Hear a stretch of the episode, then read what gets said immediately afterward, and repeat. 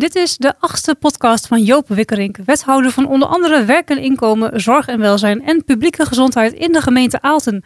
De titel van deze podcastserie is De Bedoeling. Die titel geeft precies aan waar het in het sociaal domein om gaat. Om de bedoeling en niet zozeer om wetten, regeltjes, voorschriften, kosten en opbrengsten. Maar biedt dit hele systeem onze inwoners bestaanszekerheid en zorgt het voor een sterke sociale basis en brengt het een positieve gezondheid dichterbij? Mijn naam is Esther Diepenbroek, raadslid voor de Progressieve Partij in de gemeente Aalten en ik probeer door mijn vragen ingewikkelde zaken zo helder mogelijk uitgelegd te krijgen. Bijvoorbeeld over de participatiewet, over schuldhulpverlening en over steun van de overheid in coronatijd. En natuurlijk over de WMO, de Wet Maatschappelijke Ondersteuning, Welzijn en Publieke Gezondheid. Joop, we kunnen er niet onderuit. De verkiezingen van 17 maart staan voor de deur. En jij vindt het belangrijk dat er een regering komt die weer oog heeft voor de taken van de gemeente. Zeker bij de uitvoering van taken in het sociaal domein. Maar is dat nu dan niet het geval? Nee, dat vind ik niet. Uh, de lagere overheden komen er bij dit kabinet behoorlijk bekaaid van af. Terwijl aan de andere kant de bemoeizucht bijna 100% is. Terwijl de wetgever, dat is dus de regering en parlement, Tweede en Eerste Kamer, steeds weer laat zien dat ze nauwelijks oog heeft voor de uitvoering. Dan is er een wetje in elkaar geknutseld, vol met compromissen. Dat is de politiek nu eenmaal in Den Haag. Om alle partijen in de coalitie maar tevreden te stellen. En bijvoorbeeld de gemeente, maar ook de Belastingdienst en UWV worden opgezadeld met schier onmogelijke uitvoering. Uh, in de afgelopen weken zijn minstens drie voorbeelden langsgekomen uh, waaruit dit blijkt. Ten eerste natuurlijk de toeslagenaffaire. In een boek met bijna 400 pagina's legt Jesse Frederiks van de correspondent haar fijn uit hoe de uitvoering van de kinderopvangtoeslagen wel moest mislukken. Een tweede was uh, een mooie uitzending in Pakhuis de Zwijger over verrekening van inkomsten. Het gaat om ongeveer 60% van 220.000 mensen die werken met een uitkering. En de helft daarvan die hebben daar uh, financiële problemen mee. 90% voelt zich onzeker, voelt stress en spanning door de ingewikkelde regelgeving. UWV, gemeente en Divosa, dat is de club van directeuren van sociale diensten, erkenden de problemen en willen samen naar oplossingen zoeken.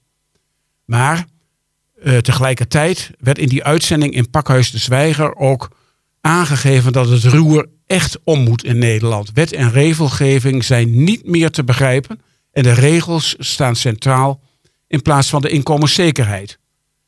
En er waren veel kijkers aanwezig en ook ik heb die uitzending gezien en het was uit mijn hart gegrepen en daar gaan we echt mee aan de gang om ook die regelgeving helderder, duidelijker en begrijpelijker te maken, maar juist ook om hem te veranderen zodat die eenvoudiger wordt. En dan was er nog een beetje als mosterd na de maaltijd een verslag van de parlementaire commissie Klem tussen Bali en beleid. En dat vond ik zo'n treffende titel. Want dat wat het beleid uh, verzint in Den Haag, ja, daarmee kun je behoorlijk klem komen te zitten als je dat aan de balie moet uitleggen en uitvoeren. Uh, dus ook in die, dat rapport, dat is een Tweede Kamerrapport, wordt klip en klaar aangegeven dat het bij het maken van de wetten vaak compromissen zijn dat, veel te weinig aandacht is voor de uitvoering. Nou, toen dacht ik van misschien moeten wij daar in de gemeenteraad en bij het college ook wel eens wat meer oog voor hebben. Van we bedenken van alles, maar is dat ook wel goed uit te leggen en uit te voeren?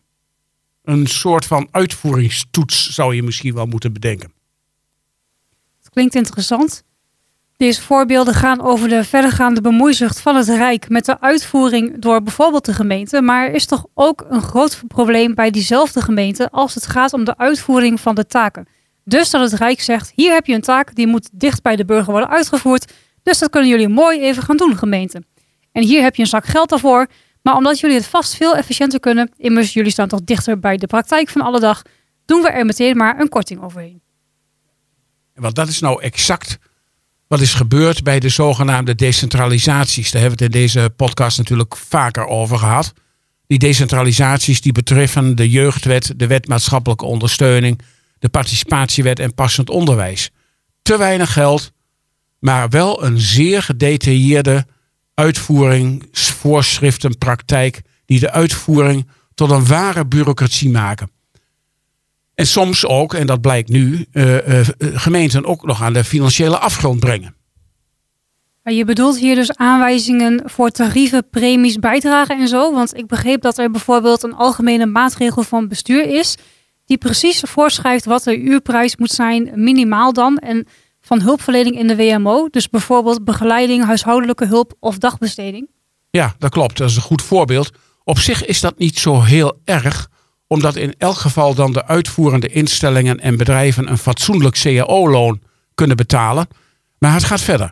Het Rijk schrijft ook voor welke bijdrage mensen die hulp ontvangen van de gemeente moeten betalen. De eigen bijdrage. Misschien ook niks mis mee als die bijdrage maar inkomensafhankelijk is. Maar in het geval van de WMO, de Wet Maatschappelijke Ondersteuning, is dat een vast bedrag.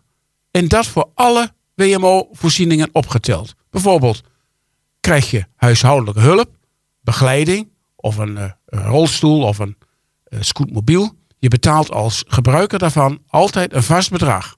19 euro per maand. Of je nou alleen een AOW'tje hebt of een miljonairsinkomen, dat bedrag blijft hetzelfde. Dat is raar. Dat is uh, heel raar. Volgens mij begrijpt niemand dat. Ze zeiden dat dat is om de stapeling van eigen bijdragen tegen te gaan. Maar het effect is dat ook mensen die zelf prima hun hulp kunnen betalen voor dit bedrag, aan een eigen bijdrage hulp van de gemeente kunnen krijgen. Natuurlijk wel omdat het nodig is, maar ja, natuurlijk wel omdat men daarvoor is geïndiceerd. Is jouw ervaring dat ook dat niemand dat begrijpt? Ja, dat is helemaal waar. Uh, en zoals je weet uh, vraag ik in mijn MEDEC-panel van zo'n 25 mensen altijd uh, per keer, per 14 dagen, wat zij vinden van allerlei vragen in het sociaal domein. Uh, niet, iedereen, niet iedereen reageert elke 14 dagen, maar dat hoeft ook niet. Het geeft een indicatie. En een tijdje geleden heb ik dit meedenkpanel de volgende vragen voorgelegd. Bijvoorbeeld ook over deze kwestie. en ik, ik behandel ze even en misschien dat we ze even kunnen nalopen. Uh, de vragen die luiden als volgt. Uh, de, de, de, eerste was, die jij ook aangeeft, vind je het nou redelijk dat inwoners een eigen bijdrage betalen voor WMO-voorziening? En hoe moet de hoogte daarvan bepaald worden? Als jij weet dat gemeenten geen andere eigen bijdrage mogen heffen dan de vastgestelde 19 euro per maand, welke mogelijkheden zie je dan? In geval je natuurlijk vindt dat een eigen bijdrage redelijk is, om die eigen bijdrage wat meer eerlijker te maken. Dus niet voor zowel miljonair als AOW'er uh, 19 euro per maand. Nou, een paar mogelijkheden. Je zou kunnen afwachten tot het nieuwe kabinet is aangetreden. Dat naar alle waarschijnlijkheid weer een inkomensafhankelijke bijdrage zal invoeren. Maar dat is natuurlijk niet zeker. Je zou in het gesprek wat je hebt als gemeente met uh, de, uh, de inwoner toch het inkomen en het vermogen van de inwoner mee kunnen laten wegen. Drie, je zou een jaarlijks budget kunnen vaststellen. En zeggen van, nou ja, als dat budget op is, dan moet je een wachtlijst instellen. Vier, dat is een ingewikkelde, je zou de voorzienbaarheid kunnen meenemen. Uh, een voorbeeld bijvoorbeeld als inwoners jarenlang zelf een betaalde huishoudelijke hulpmedewerker hebben ingehuurd uh, kan de gemeente aangeven dat die situatie niet meer zo beëindigd kan worden. Uh, en uh, dat men maar zo over kan stappen op die door de gemeente geïndiceerde huishoudelijke hulp van 19 euro per maand. Of een andere mogelijkheid zou kunnen zijn een algemene voorziening invoeren. Die bestaat bijvoorbeeld uit een adviseur die kijkt hoe jij het huishouden zonder hulp of met minder hulp kunt klaren. Of je kunt inzet van technische hulpmiddelen adviseren. Of bijvoorbeeld ook uh, ergo- of fysiotherapie uh, toepassen, zodat mensen makkelijker hun klusjes thuis zelf kunnen doen. En het laatste natuurlijk, je kunt niks doen aan die hele eigen bijdrage, gewoon die 19 euro blijven heffen. Maar ja, dan kom je niet uit met het budget en dan moet je dus strenger gaan indiceren. Dus minder uren. Dat waren de opties die ik zo'n beetje had voorgelegd. En uh, die ook, ook niet door mij bedacht waren, maar ook wel door anderen alles op, uh, geopperd waren. Nou, dat zijn verschillende opties. Laten we deze nou eens één voor één doorlopen. Ik schat in dat de meeste mensen het volstrekt uh, redelijk vinden dat je betaalt als je een dienst geleverd krijgt. Ook al is dat een compensatie voor iets wat je zelf niet meer kunt. En ik denk ook dat bijna iedereen vindt dat naarmate je meer geld hebt, je ook meer kunt betalen. Wat waren de reacties daarop, Joop? Uh, jouw inschatting is, is, is 100% goed. Want uh, of het redelijk is een eigen bijdrage te heffen voor een WMO-voorziening, daar komt een eenduidig antwoord op. 100%. Een eigen bijdrage is volstrekt redelijk, mits deze inkomensafhankelijk is. Een eigen bijdrage is ook wel erg weinig van 19 euro uh, per maand. Als je weet dat die gemiddelde hulp, want we hebben het nu steeds over huishoudelijke hulp, als de gemiddelde hulp per maand de gemeente 280 euro kost. Dus jij betaalt 19 euro en het kost 280. Uh, sommigen denken trouwens dat je niet alleen naar inkomen moet kijken, maar ook naar het vermogen. In elk geval naar draagkracht. Want bij onverwachte tegenvallers in bijvoorbeeld inkomen is het moeilijk meteen je kosten te snijden. En dat geeft, een, dat geeft ook bijvoorbeeld die coronacrisis aan. Dus je moet wel niet het hele vermogen natuurlijk in, in, in uh, ogenschouw nemen. Heel veel mensen vinden ook dat juist mensen uh, die op het minimuminkomen zitten, eigenlijk een 0% bijdrage moeten betalen. Overigens, uh, dat gebeurt nu ook al. mensen die kunnen hun eigen bijdrage in het kader van het armoedebeleid in bijzondere bijstand zeg maar gecompenseerd krijgen. een, een interessante en oorspronkelijke gedachte van één iemand is uh, dat je de inhoud en de kosten, eigen bijdrage, uit elkaar moet halen. Mensen krijgen dan een soort offerte met een eigen bijdrage. En die eigen bijdrage is dan berekend door de Belastingdienst, uh, omdat die over jouw inkomensgegevens beschikt. Denk ik, oeh, Belastingdienst, die kon dan dat toch niet zo heel goed. Maar goed, het is een leuke gedachte. En dan krijg je dus een soort offerte die be belooft van 0 tot 100 procent van de kosten. En mensen kunnen op grond daarvan kiezen of men erop ingaat of niet, of zelf een oplossing kiezen. Uh, ook pleit iemand voor een ruimere toepassing van een persoonsgebonden budget. Ze zegt, uh, doe mij die 28 euro per uur maar, wat die hulp kost voor de gemeente, dan regel ik het zelf wel voor. Uh, dat kan nu ook al. Je kunt nu ook wel gaan voor zo'n persoonsgebonden budget, maar het uurbedrag is dan een stuk lager dan die 28 euro die de gemeente moet betalen aan uh, thuiszorgorganisaties. Uh, en die zogenaamde alfa-constructies, uh, die worden onmogelijk gemaakt met ingang van volgend jaar. dat vind ik trouwens heel mooi, want de alfa-constructie houdt in dat je een huishoudelijke hulp op grond van een regeling bij de Belastingdienst, die heet regeling dienstverlening aan huis, vrijgesteld wordt van inkomstenbelasting en sociale voorzieningen. En daar ook dus ook geen recht op heeft. Ook geen pensioenopbouw heeft en dat soort dingen. En zo voor een goedkoop netto tarief kan vinden. Werkgeverschap uh, ligt dan feitelijk bij de cliënt. En de administratie wordt in ons geval overgenomen door een bureau. Maar dat is dus op een gegeven moment verleden tijd. En in mijn ogen is die regeling dienstverlening aan huis daar niet voor bedoeld. Want ik vind gewoon iedereen die werkt, die hoort daarvoor loon te ontvangen en daarvan loonbelasting en sociale premies af te dragen. Dat is onze solidariteitsgedachte in Nederland. Al deze creatieve oplossingen kunnen op dit moment niet volgens de wet. Maar wel een grappige. Een van onze meedenkers, die had zelfs een deskundig familielid ingeschakeld. Dat vond ik erg leuk.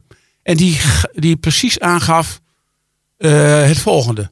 De gemeente kan naast het heffen van de vaste eigen bijdrage geen andere financiële mogelijkheden toepassen. Nou, daar kun je het mee doen.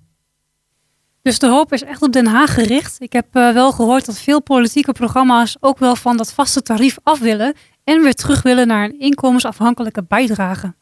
Inderdaad, sommige partijen willen dat nog niet de meerderheid. Dus we hebben nog wel even wat te doen in Den Haag, denk ik. Uh, en veel van, van, van mijn uh, meedenkers die zijn ook wel optimistisch over dat er toch een keer wat komt in de, uh, uit Den Haag over deze inkomensafhankelijke regeling. Want ze geven aan van ja, verschillende verkiezingsprogramma's geven dan ook aan dat men daarvan af wilt. maar ze zeggen ja, wacht even, die, die inkomensafhankelijke bijdrage die, die is er nu niet. En dat was, dat heet nu dan dat abonnementstarief. En dat is er wel gekomen in de tijd om de stapeling van eigen bijdragen tegen te gaan.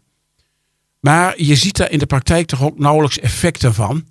Uh, een stapeling van inkomensafhankelijke bijdragen. Stel dat je voor elke voorziening een inkomensafhankelijke bijdrage moet betalen. En dat stapelt zich op. Dan is dat dan wel een beetje uh, nadelig natuurlijk voor de middeninkomens. Nou, dat realiseren mensen zich wel. Maar het weegt toch niet op tegen dat oneerlijke gevoel over die vaste bijdrage van 19 euro, ongeacht je inkomen of vermogen. En ja, het is natuurlijk wel zo, een verkiezingsprogramma is nog geen regeerakkoord, is nog geen wetsvoorstel, is nog geen uitvoeringsregeling. Dus we moeten er nog wel even op wachten op Den Haag. Ik ben wel benieuwd of het mogelijk is om een soort van moreel appel op mensen te doen. Of toch op de een of andere manier rekening te houden met inkomen en vermogen aan dat beroemde keukentafelgesprek. En als je zo'n moreel appel doet, is dat niet een beetje oneerlijk naar wat zwakkere gesprekspartners toe? Wat dachten jouw mededenkers daarvan? Ja, die dachten dat eigenlijk ook wel. Uh, uh, natuurlijk zou je in het keukentafelgesprek alle omstandigheden van iedereen moeten laten meewegen en naar de orde stellen. Dat moet ook in zo'n keukentafelgesprek. En dat hebben we ook vastgelegd in onze omgekeerde verordening zo persoonlijk mogelijk. Dus je moet ook het eigenlijk inkomen wel mee laten tellen. Maar velen van de meedenkers vinden dat toch wel erg gewaagd. Want je moet dan wel een indicatie van dat inkomen hebben. En uh, als je weet uh, dat dat onderwerp aan de orde komt in zo'n uh, keukentafelgesprek. Ja, dan, dan weet je natuurlijk niet helemaal zeker of, of daar wel de goede antwoorden op komen. Maar ze vinden het wel goed dat het gewoon het onderwerp aan de orde komt. het is wel een goede training, zegt iemand voor de consulenten, om zeker te durven vragen naar alle mogelijkheden en de bereidheid om mee te betalen. En uh, nou, wat jij ook zegt, uh, sommige mensen die wijzen ook wel op de verbale achterstand die iemand in zo'n keukentafelgesprek heeft. Dat geeft mij trouwens mooi de gelegenheid om nog eens even te wijzen op onze onafhankelijke cliëntondersteuning. Daar heeft iedereen recht op. Je kunt je laten bijstaan in zo'n keukentafelgesprek door een onafhankelijke cliëntondersteuning. Die komt dan bijvoorbeeld van de organisatie mee af of eh, van een andere organisatie. Uh, en dat loopt eigenlijk nog niet zo heel erg goed, want er doen eigenlijk te weinig mensen nog een beroep doen. Dus vandaar dat ik ook ambassadeur ben van het zogenaamde koploperstraject in de Achterhoek. Uh, zodat we daar nieuwe manieren bedenken en verzinnen om, om onafhankelijke cliëntondersteuning op een moderne manier te bevorderen. Uh, ook hierover, over deze oplossing, om dat inkomen mee te laten wegen in het keukentafelgesprek, zijn onze juridisch geschoolde en onderlegde meedenkers heel helder. Dat mag gewoon niet. Je kunt natuurlijk als gemeente ook zeggen: we krijgen zoveel van het Rijk, dat is op een gegeven moment op. Dus wacht maar tot we weer geld krijgen. Ja, dat heet dan een budgetplafond. Uh, niet iedereen uh, uh, beantwoordde deze vraag, maar de mensen die wel uh, die vraag beantwoorden. Uh, die zegt mordicus tegen elke vorm van budgetteren. Dat komt ook wel deels doordat mensen daar persoonlijke ervaringen mee hebben. Dus moesten wachten op hulp. Maar ook wel uit rechtvaardigheidsgevoel. Eén iemand zegt dat kan natuurlijk niet. Als het urgent is of nodig is, dan kan er geen wachtlijn zijn. Wachtlijst zijn. En je kunt ook niet tegen mensen die aan het eind van het jaar komen en een probleem hebben laten wachten tot het volgend jaar. Over de heg gooien heet dat. Het helpt alleen de gemeentefinanciën en niet de burgers, zei iemand. Ja, in de categorie uh, borreltafelpraat hoor je natuurlijk wel eens dat mensen die eerst een eigen zwarte poetshulp hadden, dat ze bij de gemeente voor 19 euro terecht kunnen per maand, niet per uur. En dat die mensen zich dan melden bij de gemeente. En hun zwarte poetshulp, om het maar zo te zeggen, met de was de deur uitdoen. Ja, dat, is, dat heet voorzienbaarheid. Dus dat wil zeggen, als je lang van tevoren weet en ziet aankomen dat je hulp nodig hebt. En je hebt nu al hulp en je regelt dat zelf. En dan plotseling die hulp opzegt omdat je het bij de gemeente goedkoper kunt krijgen. Dan noemen we dat voorzienbaarheid. En kun je dus ook als gemeente zeggen: ja, uh, uh, zo zijn we niet getrouwd. Dat, dat gaan we niet toekennen, omdat je het eigenlijk al uh, zelf geregeld had. Maar uh, ik ben het wel eens met heel veel meedenkers die betwijfelen of dit heel veel gebeurt. Maar als het meetbaar is en het is bespreekbaar en het is juridisch houdbaar, en daar lijkt het wel op, dan mag het voor de meerderheid wel meegenomen worden in de beoordeling of iemand uh, hulp krijgt die die aangevraagd voor, heeft in die keukentafelgesprekken. niet niet iedereen, iedereen heeft hier dus op geantwoord. Dus dat geeft misschien ook wel aan dat niet iedereen zich kan voorstellen of dit in de praktijk wel veel gebeurt. Ik vind het ook wel een vraag of dit nou veel gebeurt. Het lijkt ook wel erg berekenend van inwoners in kwestie. Maar ook niemand zegt eigenlijk uh, heel uh, simpel: dat moet je niet doen, want als de regeling er is voor iedereen, dan is die er ook voor iedereen. Ja, dat is natuurlijk zo. De hele huishoudelijke ondersteuning is natuurlijk ook al meer dan tien jaar geleden opgezet. Tijden veranderen. Je kunt toch ook wel eens kijken of er niet wat algemene voorzieningen zijn waar mensen gebruik van kunnen maken. Doen we met tafeltje, dekje of boodschappendienst toch ook? Mondverland wil toch ook een wasservice gaan aanbieden? Ja, dat is een, een, uh, een van de maatregelen die misschien nader onderzocht moet worden. Dat heet een algemene voorziening. Dat, dus dat betekent dat je niet alles indiceert en individueel toekent, maar dat je doorverwijst naar een algemene voorziening of die inzet. Bijvoorbeeld zo'n boodschappendienst of tafeltje dekje. Uh, de wat juridisch georiënteerde mensen die meedenken met mij, die zeggen dat kan op zich. Maar stel daar niet te hoge verwachtingen. Want uh, uh, zo'n algemene voorziening kost natuurlijk ook geld.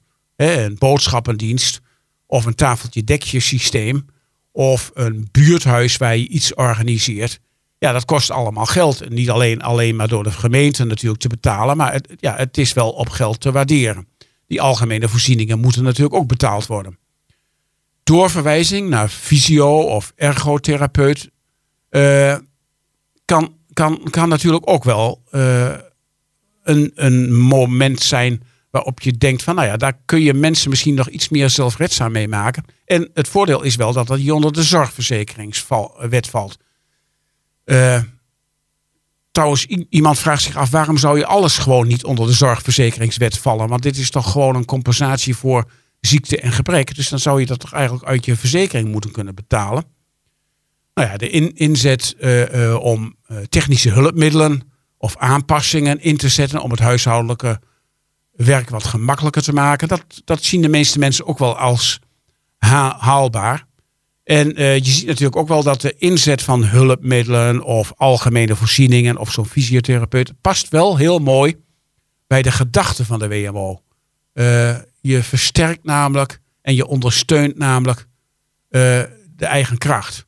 Nou ja, dan die, die, die wasservice in Montferland. De kranten hebben er vol gestaan, meegestaan. En je maakt dan een soort wasbedrijf en zegt dan tegen iemand, daar kun je terecht. Zowel mensen met als zonder indicatie. En je betaalt dan een bepaald bedrag. Dat zou je ook nog in het kader van de armoedebeleid kunnen vergoeden. En, uh, maar de gemeente Mond, zegt dus, nou ja, goed, als die wassen dus niet meer in de huishoudelijke hulp zet, dan korten we je op die huishoudelijke hulp met een uur per week. Nou ja, dat gaf natuurlijk een hoop commotie. En veel geframe in de krant natuurlijk van uh, botte bezuinigingen en dergelijke. En ik denk ook wel dat je dit natuurlijk wel heel zorgvuldig moet aanpakken. en ook, ook heel goed over na moet denken. En met cliënten over en, en, inwoners over moet praten. Ik heb gehoord dat ook in de gemeente Haagsbergen dit geprobeerd met, uh, heeft en nog doet. En daar zijn op dit moment tien klanten van die algemene voorzieningen. Nou, dat vind ik niet heel erg veel. En de, en de bezuinigingen vallen dan ook wel tegen. Dus de hoge verwachtingen die Mondverland van heeft, dat is nog maar de vraag of dat allemaal lukt. Maar je brengt met zo'n actie natuurlijk wel een soort beweging op gang van. Niet alles kan meer onder de huishoudelijke hulp vallen. Daar moeten we rekening mee gaan houden. Ja, dan ga ik even advocaat van de duivel spelen. Eh, je kunt natuurlijk ook de tering naar de nering zetten en bijvoorbeeld zeggen: Nou, moet je luisteren. We kregen eerst een bedrag waarvoor we gemiddeld elke klant 2,5 uur huishoudelijke hulp per week konden geven. En we krijgen nu minder en het aantal mensen dat een beroep doet is meer. Dus je krijgt voortaan nog maar anderhalf uur in de week. En de rest, ja, dat organiseer je zelf maar. Ja, uh, dus niks doen aan de eigen bijdrage en maar strenger indiceren en uren verminderen. Nou, mijn uh, meedenkpanel is daar ook duidelijk over. Absoluut onbespreekbaar. Geen oplossing. Dit doet geen recht aan maatwerkgedachten. Dit heeft niks te maken met andersom of omgekeerd verordenen. Uh, dit heeft ook niks te maken met een eerlijk keukentafelgesprek. Uh, we kunnen natuurlijk wel in die indicatie kijken wat nou precies nodig is. En daar hebben we natuurlijk als gemeente Aalten en heel veel gemeenten in de Achterhoek ook al wel op ingespeeld. Door zeg maar een wat nieuwer normenkader, dat oude normenkader was ook 13 jaar oud, in te voeren. Zodat je ja, toch wat strakker langs zo'n normenkader kijkt van wat is nou nodig bij het schoonmaken van een huis. Moet je inderdaad de bovenverdieping elke week schoonmaken of kun je volstaan met de woonkamer? En het is natuurlijk ook zo dat je uh, wat strenger aan budgetbewaking kunt doen. Uh, want niet altijd is alles nodig, zeggen ook mijn, meewerk, uh, mijn, mijn meedenkers. Dus ja, men, men kan zich wel vinden in strenger indiceren volgens normen, maar absoluut niet over de hele linie. Het moet maatwerk blijven. En als je nou mensen vraagt om mee te denken, komen er vaak ja, vooral op tafel wat men niet wil of wat men niet minder wil. Maar kreeg je nou ook nog suggesties binnen om het anders te doen? Dus anders te organiseren of te financieren? Ja, er kwamen toch wel een paar dingen op tafel van hoe zou je dat nou in de toekomst moeten doen. Uh, je kunt uh, uh, wat voordelen behalen bij de inkoop. Hè, dus de, de, de prijzen die je betaalt aan de organisaties die de huishoudelijke hulp bieden. je kunt kijken of je de herindicaties en de toegang tot die hulp ook wat meer bij de aanbieders neerlegt. Ik ben daar zelf niet zo'n voorstander van. Het moet in mijn ogen toch wel onafhankelijk gebeuren. Je kunt natuurlijk nog wel met wat pilots werken, met robotachtige dingen en nieuwe hulpmiddelen. Die komen steeds meer op de markt. En je kunt natuurlijk ook zeggen van, nou ja, wij willen niet zozeer eh, per uur betalen, maar voor het resultaat. Dat laatste mag overigens niet van de rechter, maar je moet dat resultaat dan wel vertalen in uren. Mogelijkheden die, die allemaal wel een positief effect hebben, is het vergroten van de eigen kracht.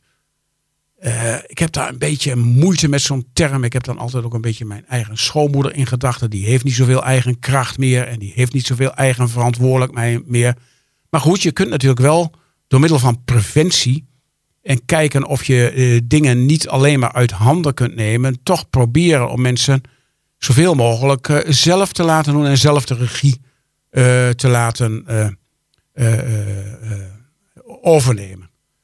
Nou ja, daar moet je eigenlijk ook eens met zorgverzekeringspartijen over praten, want die, die hebben er ook belang bij dat je preventieactiviteiten uh, goed organiseert. Want dat scheelt hun straks weer in ziekenhuiskosten en misschien ook wel in premiekosten. En je moet ook eens kijken naar het mantelzorgbeleid. In, in een onderzoek van de Sociaal Cultureel Planbureau blijkt ook dat mensen toch te weinig uh, gebruik maken van mantelzorgondersteuning. Nou, daar zou je toch op meer op kunnen inzetten. Eh, en een, een, tweede mogelijkheid die ook wel genoemd wordt, is kijken, en dat is een beetje vestzak, broekzak, maar dat je kunt kijken of het toch niet wat eerlijker verdeeld kan worden door, tussen de verschillende wetten. Uh, bijvoorbeeld, je hebt de ziektekostenverzekering, je hebt de wet langdurige zorg en je hebt de WMO. En dat gaat allemaal over hulp aan mensen die zelf dit dingen niet meer goed kunnen. Uh, en daar zou je toch eens naar moeten kijken of dat maar dat moet vooral in Den Haag gebeuren. Er zijn ook wat experimenten nu en wat, wat bewegingen die kant op. Maar je zou toch moeten kijken of het niet veel eerlijker is om de kosten die de gemeente maakt onder bijvoorbeeld de wet langdurige zorg te laten vallen of onder de ziektekostenverzekering en dat uit de algemene rijksmiddelen te betalen.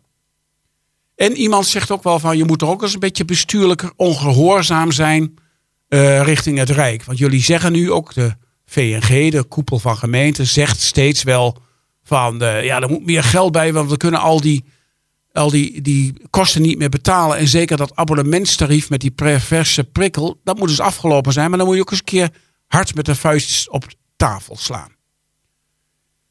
Nou, uh, uh, het was wel grappig dat ook deze week een heel juridisch artikel verscheen in een blad.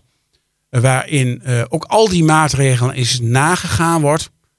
En eigenlijk komt het erop neer dat je wel allerlei creatieve dingen kunt verzinnen. Maar alles is bijna zo juridisch dicht geregeld dat je maar heel weinig mogelijkheden hebt. Dus de wetten moeten gewoon veranderd. Nou, eigenlijk som je dus op hoe alles juridisch dichtgeregeld lijkt en je als gemeente helemaal klem zit tussen de regels en het geld van het Rijk. Zeg je daarom ook dat er meer geld van het Rijk moet komen om de taken uit te voeren? Ja, en dat is toch wel de boodschap natuurlijk in de richting van de verkiezingen en de kabinetsformatie. Dat is eigenlijk de simpele conclusie. Uh, in NRC stond dat van de 350 gemeenten 120 hun begrotingen niet meer rond kunnen krijgen vanwege de kosten van de WMO. Waar we nu één aspect van hebben behandeld, zeg maar die aanzuigende werking en uh, dat abonnementstarief. Maar vooral ook van de jeugdwet. Maar ook geld voor bijstand en reïntegratie. In feite zijn de zorg en de inkomen voor de inwoners van dit land rijkstaken. En als het Rijk wil dat de gemeenten dit uitvoeren, omdat ze zo dicht bij hun inwoners staan en dus efficiënt kunnen uitvoeren, dan moet daar ook genoeg budget voor meekomen. De verkiezingsprogramma's bekijkend geeft het nog niet zo'n heel gerust gevoel of alle partijen voldoende geld aan de gemeente willen beschikbaar stellen om die rijkstaken ook uit te voeren. Dus ik zou ook via deze podcast willen oproepen, als je nog moet stemmen, kijk vooral ook naar het belang van gemeenten. En kijk vooral ook wat partijen willen. En met die gemeenten om de rijkstaken zoals jeugdzorg, WMO en participatiewet en passend onderwijs voor onze meest kwetsbare inwoners goed uit te kunnen voeren. En daar hoort gewoon een zak met geld bij. Dat is niet anders. Dat is een hele mooie oproep eh, om mee af te sluiten. Joop, bedankt weer voor deze informatie over dit specifieke onderwerp. Uh, aan de luisteraars, wil je meer weten of wil je Joop een berichtje sturen, dan kan dat naar j.wikkerink.aalten.nl. En uh, ja, tijdens de volgende podcast gaan we het weer over een ander onderwerp hebben binnen het sociaal domein. Bedankt voor het luisteren.